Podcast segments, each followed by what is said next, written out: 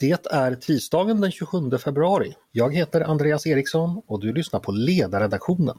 En podd från Svenska Dagbladet.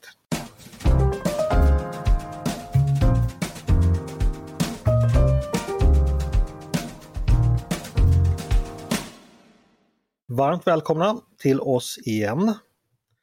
Äntligen vajar den svenska flaggan utanför NATO-högkvarteret. Nej, kanske inte riktigt än, men nu står det inte på.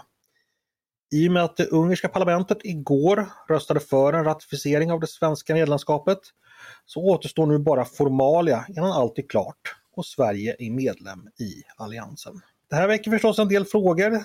Många har redan funderat på dem ganska länge. Vad betyder det här exakt för Sverige och för vår försvarsmakt? Vad förväntas vi göra som NATO-medlem och bidra till i försvaret av NATO? Hur påverkas Försvarsmaktens organisation och sätt att arbeta? Och hur påverkas vår utrikes och säkerhetspolitik? Det ska vi fördjupa oss i idag och då har jag med mig två gäster. Kjell Engelbrekt, professor vid Försvarshögskolan. Varmt välkommen hit Kjell! Tack, tack! Och Christer Bringeus, diplomat, bland annat ambassadör i Belgrad och Oslo, tidigare chef för Sveriges delegation vid OSSE och också tidigare regeringens utredare av Sveriges försvars och säkerhetspolitiska samarbeten. Varmt välkommen hit du också Christer! Tack, tack! Eh, vi ska snart prata konsekvenserna av medlemskapet, men först vill jag bara stämma av med er. Det här blev en process, den tog knappt två år. Eh, vad ska man tänka om det? Var, var, var det anmärkningsvärt långt eller var det vad man kunde förvänta sig? Vad, vad tänker du Christer? Nej, det var inte anmärkningsvärt långt om man ser till eh, hur sådana anslutningsprocesser tidigare gått till. Jag tror i själva verket att det är den näst snabbaste anslutningsprocessen efter Finland och efter grundarstaterna på sin tid. Mm. Samma fråga till dig Kjell, vad, vad, tänker du om den här perioden vi har gått igenom? Var den lång eller överraskande på något sätt? Ja, det var onödigt lång men det var inte anmärkningsvärt lång. Där håller jag med Christer. Om vi, om vi tar ett steg tillbaka, hur, hur, stort skulle ni säga att det här vi upplever just nu är historiskt sett? Eh, kan man säga att, det är, det att vi ställer om efter, efter flera hundra år av neutralitet så byter vi nog väg helt och hållet? Kjell, eller hur skulle du beskriva det i, i sådana termer? Ja, det är det ju. Det är stort. Det är ju ungefär 200 år som ni har haft eh, i alla fall den här alliansfria politiken. Eh, under vissa delar då också med användning av det här begreppet neutralitet och det syftande till neutralitet som det heter i våra formuleringar under det kalla kriget. Men, men det är stort. Det är, det är en stor förändring, inte minst eh, den här föreställningen om att man försvarar sig själv är ju ett, ett slags föreställning. En, en helt annan föreställning är att man gör det tillsammans med andra. Mm. Eh, vad säger du Christer ifall du ska gradera eh, nivån av historisk storhet? Vad, vad, vad, tänker du? På en skala från 1 till 10 säger jag väl ändå 9 och en halv. Okej. Okay. Nej det är klart att det här är stort. Jag menar, för, för, vi ingår nu i en gemensam planering i nordöstra Europa tillsammans med våra närmaste grannar och eh, stormakterna i Europa och Förenta Staterna Visserligen har vi inte samarbetat tidigare men vi har inte haft den gemensamma eh, försvarsplaneringen och vi har inte haft det yttersta gemensamma målet heller. Mm. Nej, för det kanske många tänker på att det har ju ändå förekommit en del samarbete med, med NATO tidigare. Vi har ingått i det här som kallas för Partnerskap för fred och Sverige har ju också övat tillsammans med NATO. Kjell, att ändå gå att bli medlem, hur, stor förändring är det jämfört med vår tidigare relation till NATO? Ja, men ja och nej. Alltså, det, inte bara det att vi har haft en relation till NATO egentligen sedan mitten av 90-talet när vi ingick i Partnerskap för, för fred. Det har ju dessutom då fördjupats och förstärkts under åren och vi har ju sedan ett antal år tillbaka också ett sånt här enhanced partnership, det som ibland brukar kallas för guldkortet, som innebär att man verkligen sitter med vid ganska många olika bord. Eh, och vi är i många avseenden interoperabla och, och har den slags teknik som man också har inom, inom andra NATO-länder. Men jag tror fortfarande att eh, omställningen kommer att eh, ta några år. Alltså, eh, eh, framförallt kanske utanför Försvarsmakten men även i Försvarsmakten så är det ett annat sätt att tänka. Och, det, det, kommer behöva sippra ner eh, genom åren och vi behöver utbilda nya officerare som tänker så här liksom från början om vi säger så. Kan du förklara det lite närmare? Vad exakt är det som behöver förändras eller kommer förändras i, i, i tankesättet, tänker du? Ja, men om man ska göra det lite enkelt så är det ju dels det här med att, att man fördelar arbetet, att man fördelar uppgifterna. Alltså tidigare så har ju de uppgifter som har tillkommit det svenska försvaret också varit det svenska försvarets ansvar. Och nu ska man fördela uppgifter. Det är ett helt annat sätt att tänka i eh, och det, det, har ju att göra med den här eh, gemensamma försvarsplaneringen som, som, som Christian var inne på. Det är, det är det som är den riktigt springande punkten här. Att man planerar och gör det här tillsammans och på lite olika sätt då eh, fördela arbetet. Mm. Eh, Christer, om vi går tillbaka till den här frågan om eh, att Sverige tidigare har ganska djupa relationer med NATO och även samövat och samtränat men nu blir vi medlem. Vad, vad tänker du om den förändringen? Har vi så att säga nytta av åren som NATO-associerad tidigare? Ja, det har vi haft. Alltså det har ju eh, handlat om ska man säga, en teknisk förberedelse. Dels interoperabiliteten, det vill säga att vi har eh, våra militärtekniska system har, har Eh, eh, eh, gjort så att de har kunnat samverka. För att ta ett väldigt enkelt exempel. Förr var vi väldigt stolta över att man kunde tanka ett Drakenplan bara med en svensk tankslang. Nu har vi ett tankhål på flygplanen som passar NATO-standard. Eh, på det tekniska planet har detta förberedelsearbete ägt rum. Men också vad det gäller stabsstrukturer. När vi var i Afghanistan så satte vi, den svenska bat bataljonen där hade ju en stabsstruktur som, eh, som, som var helt enkelt den, den NATO-stabsstruktur. Vi, vi, vi lär oss att eh, verka tillsammans på engelska och så vidare. Så det är ett väldigt stort och väldigt viktigt praktiskt förberedelsearbete som har pågått. Mm. Det har pågått ett tag men nu ska alltså ännu mer saker förändras. Jag tänker så här, svenska officerare och soldater har ju i generationer tränat för ett krig då Sverige ska försvaras, alltså vårt territorium för, för ett angrepp antingen då över landsgränsen vi har uppe i norr eller att någon kommer över Östersjön. Kjell, nu, nu är det helt andra eh, krigsfall. Det, det, måste ju innebära en enorm förändring i, i, i allting från hur man tänker till vad man behöver för vapen och, och hur man planerar. Eh, är det så?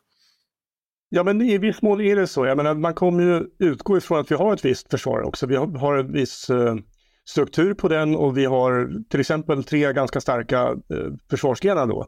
Eh, armé, marin och flyg. Det, det, är inte alla våra grannländer som har alla de här tre, ganska väl utvecklade. Så att eh, det, det, det, man, måste, man måste utgå ifrån det här också när man planerar eh, även då den här, i den här gemensamma planeringen. Men, men det kommer att innebära en, en eh, specialisering också eh, för oss och för våra grannländer på, och framförallt då över, över lite tid. Eh, där vi måste vara vi, vi, ska ju ta de uppgifterna som vi är bäst rustade för, som vi har bäst utrustning för, som vi har eh, de bästa eh, förutsättningarna för att lösa och, och kanske överlåta en del av de andra uppgifterna till, till de andra försvarsmakterna i vår närhet.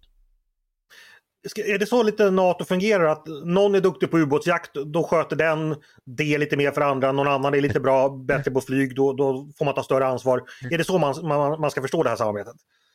Jo men så när man prioriterar så måste man ju tänka så naturligtvis. Det, det, det gör vi ju annars nationellt också naturligtvis. Om, om vi är, eh, så, att, så, att, eh, så, så fungerar det. Sen är kvantitet spelar också roll till exempel. Så att det är inte bara vad man är duktig på utan man har en viss kvantitet också. Där, har ju till exempel då Finland eh, ett, ett, ett väldigt kraftfullt artilleri ett, och ett väldigt stort artilleri.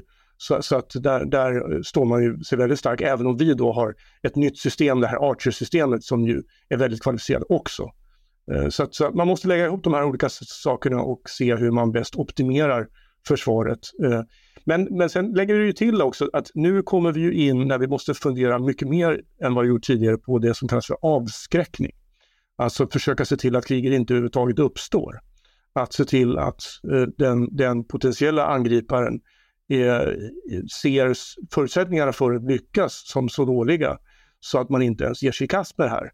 Eh, och, och, det här är någonting som är väldigt stort i NATO, alltså avskräckningsbegreppet. Det är någonting som ett enskilt land som Sverige har haft svårt att liksom begagna sig av fullt ut eftersom vi är ett så litet land i relation till, framförallt till den ryska federationen.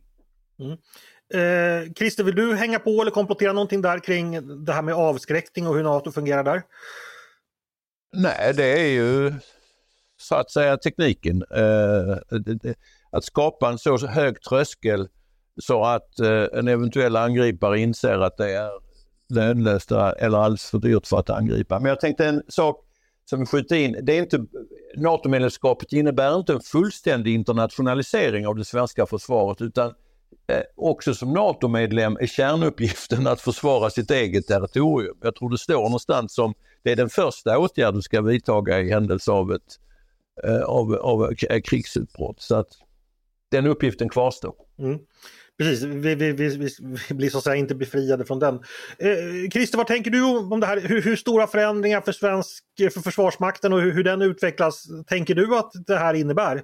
Och, och hur, hur, snabbt kommer de behöva, behöva gå? Ja, ju, för, ju snabbare desto bättre givetvis. Jag tror att det viktigaste här är att vi, vi till, till fullständigt anpassar oss till det som kallas för NATO-standard. Både vad det gäller organisation, eh, språk har jag tidigare talat om, eh, teknik, eh, vapensystemen ska kunna pluggas in i varandra. Luft och sjöövervakningssystem ska kunna pluggas in i varandra.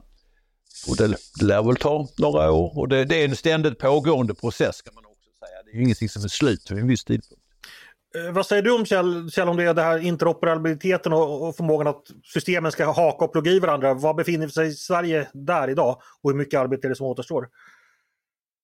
Ja, det får man nog titta på enskilda eh, tekniska system. Alltså, vi har nog eh, kopplat upp oss ganska mycket mot eh, våra grannländer redan. Men eh, ett land som vi ju faktiskt hade gått ganska djupt i samarbete med de senaste åren, det är ju Finland.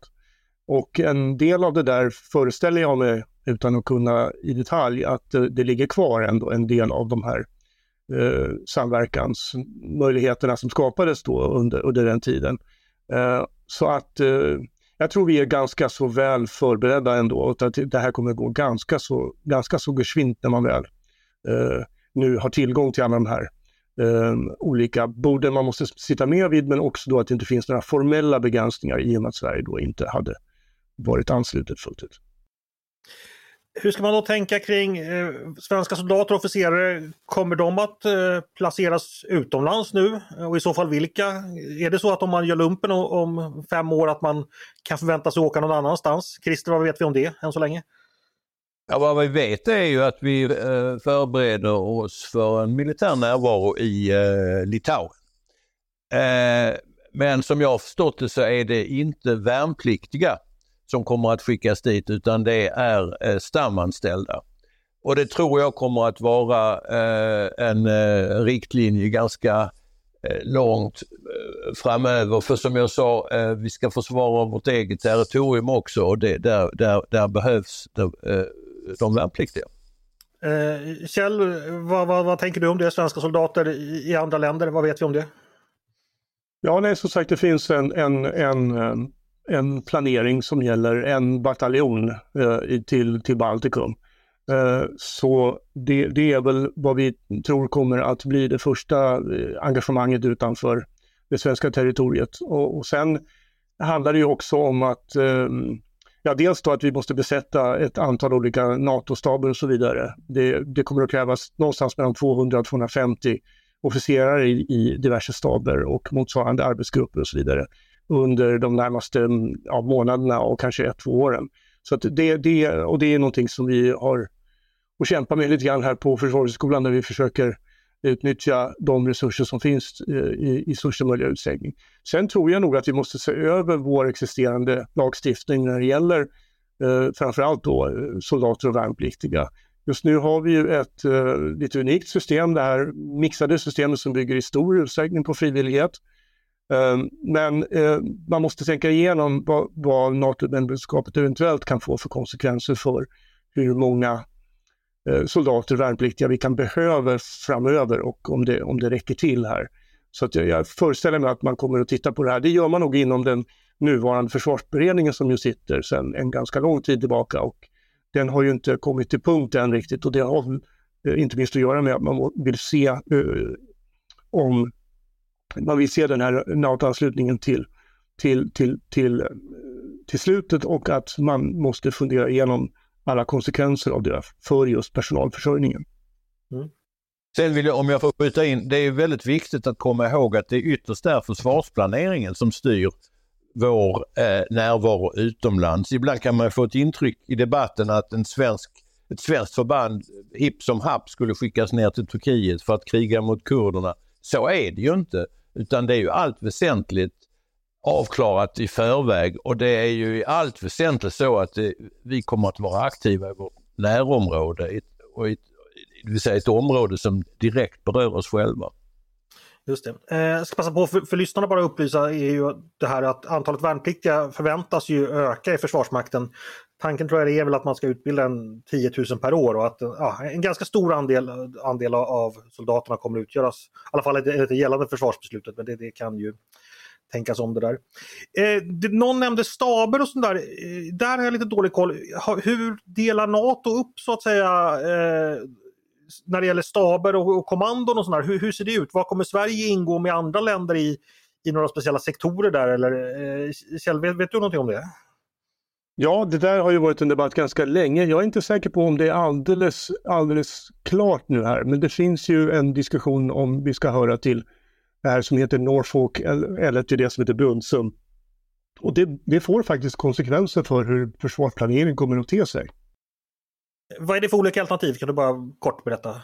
Ja, det är de här två helt olika eh, staberna som, som eh, å ena sidan då så hör man till det här Nordatlantikas, Nordatlantiska kom, kommandot då med väldigt stark så marint fokus. Eh, men också ganska mycket luftstyrkefokus. Och sen har vi det här Brunnsum-kommandot eh, som ju har mycket mer fokus på, på markstridskrafter där liksom inte minst Polen kanske liksom är mitt i, mitt i eh, centrum för den, den typen av och hur man ska undsätta de baltiska länderna och sådana saker. Och, och, det här får konsekvenser helt enkelt var, var, var man placerar oss i, i det här sammanhanget. Eh, så att det här är eh, diskussioner som, som eh, jag tror är, är, nära till att man, man har fattat beslut. Men så jag tror inte att de sista besluten är fattade exakt hur det här ska läggas upp. Okej. Okay. Christer, när vi pratade lite, lite, innan du och jag, du nämnde det här med, med kärnvapen som jag tror må, intresserar många och det har ju varit en liten diskussion kring vad, vilken roll exakt kärnvapen har i, i NATO-alliansen och dess doktrin. Kan, kan, kan du hjälpa oss lite där? Ja, kärnvapendoktrinen är ju så att säga den yttersta existentiella försäkringen mot att en eh, total katastrof utbryter. Jag brukar säga att vad är kärnvapenparaplyet? Ibland får man ett intryck att folk är rädda för detta men det ska man ju inte vara i den bemärkelsen utan kärnvapenparaplyet är ju föreställningen i Putins hjärna att skulle han ingripa med kärnvapen eller angripa med kärnvapen så kommer det att leda till en respons och därför gör han det inte. Eh, skulle Putin ringa till Ulf Kristersson och säga att han har placerat atomminor i Göteborgs hamn som han kommer att utlösa om vi inte gör si eller så. Då har vi bara endast en sak att hoppas på, att Putin längst inne tänker att skulle han göra det så leder det till ett fruktansvärt motangrepp och därför gör han det inte. Så kärnvapenparaplyet är i den bemärkelsen, så länge kärnvapen finns och de går inte att avuppfinna. Så länge kärnvapen finns så är kärnvapenparaplyet för oss en, en försäkring. Mm. Eh, Kjell, vill du komplettera någonting där? Vilken roll eh, kärnvapen spelar nu i, med vårt NATO-medlemskap? Ja, det är nära kopplat till eh, det här begreppet avskräckning som, som är väldigt betydelsefullt i, i, i NATO-sammanhang. Att, att, se till helt enkelt att, att det inte blir något eh, angrepp. Och jag kan tänk, till och med tänka mig att på sikt om eh, de nordiska länderna tillsammans med eh, övriga europeiska länder kommer att bygga upp mer av ett robust konventionellt försvar under de närmaste 5, 10, 15 åren så är det just kärnvapen paraplyet som vi kommer att behöva inom ramen för NATO. För där är det väldigt svårt för eh, Frankrike, Storbritannien, möjligen Tyskland att bygga upp någonting eh, tillnärmelsevis motsvarande eh, kraftfullt som kan eh, fungera som mot, motpol till, till det som finns i den ryska federationen. Så att jag menar att kärnvapenparaplyet är kanske ett av de, ja, kanske till och med det starkaste skälet till att ansluta sig till NATO. Mm. Eh, som vi har konstaterat tidigare, ofta i den här podden, så, så, förändras ju Försvarsmakten eh, snabbt just nu. Det finns en eh, höga krav på tillväxt. Eh, Kjell, behöver man någonstans, vi har varit lite inne på det då att man kan få nya uppgifter, men, men eh, behöver man byta spår någonstans i Försvarsmaktens utveckling just nu? Att vissa saker ska man inte göra längre utan måste tvärtom göra någonting annat? Eller kan vi fortsätta arbeta enligt plan? Hur mycket tror du kommer förändras där? Ja, det är väl här det jag skulle kunna tänka mig att även inom Försvarsmakten man blir lite förvånad kanske över det som kommer att ske de närmaste åren. Det ena är väl eh, förmågebredden. Alltså vi har ju försökt hela tiden att se till att vi har en, en väldigt eh, bred förmåga, att vi har förmågor i alla olika, i de olika försvarsgrenarna och så vidare. Och här kan jag tänka mig att vi kommer att få, eh, vi kommer att uppmuntras av NATO helt enkelt att, att lite mera välja och vara sparsmakade i vad vi satsar på framöver. Eh, lite färre förmågor och kanske på, på vissa områden eh, framförallt. Mm. Eh, ska lämna just själva Försvarsmakten och fråga lite mer allmänt om svensk utrikespolitik. Eh, Christer, kommer vi i framtiden behöva påverka det här svenska utrikespolitik att vi kommer behöva i högre grad anpassa eller stämma av den med andra medlemsstater? Hur, hur fungerar det där egentligen? Inte mer än vad vi redan gör. Alltså det sker ju en anpassning inom ramen för EU och det är klart att vi eh, konsulterar våra eh, grannar och viktiga europeiska och atlantiska länder inför säkerhetspolitiska beslut. Men NATO är ju framförallt, NATO är en försvarsallians och det är också det viktigaste formatet för säkerhetspolitiska konsultationer mellan Europa och eh, USA. Det, det, eh, det, är, det är vad NATO är, de två sakerna. Eh, alltså sen kan du ju för, sen, sen kan du, NATO-länderna ha högst olika syn till slut på, säkerhets, eh, på både säkerhetspolitik och utrikespolitik. Jag menar Vietnamkriget, för att ta ett historiskt exempel, Eh, där hade ju NATO-länderna synnerligen olika eh, uppfattning. Irakkriget likaså ställde Tyskland och Frankrike inte alls upp på eh, den amerikanska linjen. Eh, så att nej, det är ingen, eh, det är ingen det är inget hinder för att föra en egen utrikespolitik. Mm. Eh, Kjell, vill du lägga till någonting kring detta? Jag föreställer mig att en, en, en viss anpassning över, över tid till säga, majoritetspositioner inom, inom NATO kan, kan eh, komma att infinna sig. Men om vi tittar på ett land som Norge så har man ju lyckats bedriva en, en politik som är eh, ganska snarlik den som Sverige har drivit också eh, med, med ett, liksom ett starkt fokus på biståndspolitik och så här eh, på, på eh, rela nära relationer till vissa utvecklingsländer och så vidare. Jag, jag föreställer mig att det här, mycket av det här går, kommer att fortsätta. Mm. Innan vi rundar av skulle jag bara vilja kolla en sak mer som jag tror många tänker på just nu. Och det är ju det här med eh, en eventuellt ny linje från Washingtons sida ifall Trump blir återvald. Vi vet ju att Donald Trump har sagt en del saker om NATO som de vissa anser har, eh, är ämnat att eh, försvaga alliansens trovärdighet. Christer, vad tänker du om det? Hur stort hot mot, mot NATO som vi känner det idag är Trump, skulle du säga?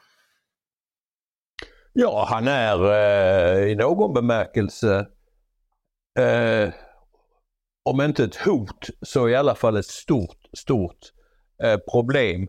Men det är ju därför också kan man säga det är viktigt att, när, att Sverige nu ah, går med i en allians. Vi står inte ensamma i ett så kallat bilateralt förhållande till USA utan vi är med i en, eh, i en organisation där också britter, tyskar, fransmän, polacker, Finland eh, är med. Så, så det blir någon slags dämpningskudde trots allt. Men visst, eh, Trump är mycket problematisk. Mm. Kjell, vad säger du? Ja, eh, i, i, dagens Frankfurt Allgemeine Zeitung så finns det en intervju med Richard Grenell som förutspås bli den nya utrikesministern i en Trump-administration.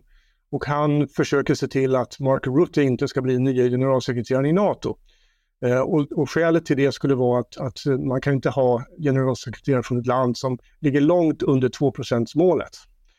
Eh, och det skulle kunna vara en indikation på eh, hur en ny administration skulle kunna Eh, förhålla sig till eh, NATO, till det europeiska NATO och till det här 2% målet.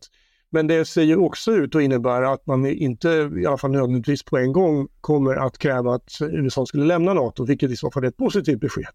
Så att jag är väl, hör väl till de som inte är akut oroliga, utan det, det enda som jag ser som ett riktigt stort eventuellt problem, det är ju att, att USA abrupt skulle lämna eh, eh, sina åtaganden i Europa. Och jag ser inte riktigt, eh, det, det vore inte i USAs egen intresse, och, så jag, jag, tror inte att det är så sannolikt.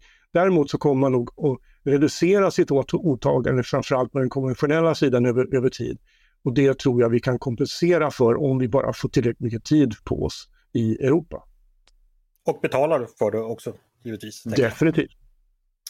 Vad fint hörni, då tycker jag vi har, har rätt ut en del saker här. Är, är det någonting vi, vi, ni vill tillägga som ni tycker hör till diskussionen som ni tänker att lyssnarna har, har uh, nytta av att veta? Christer, har du någonting sånt du vill tillföra? Nej, jag kan möjligtvis säga att om några år så kommer det svenska NATO-medlemskapet att vara fullständigt avdramatiserat. Det kommer att vara lika stor självklarhet som EU-NATO-medlemskap. Mm. Eh, Kjell, några avslutande ord från dig?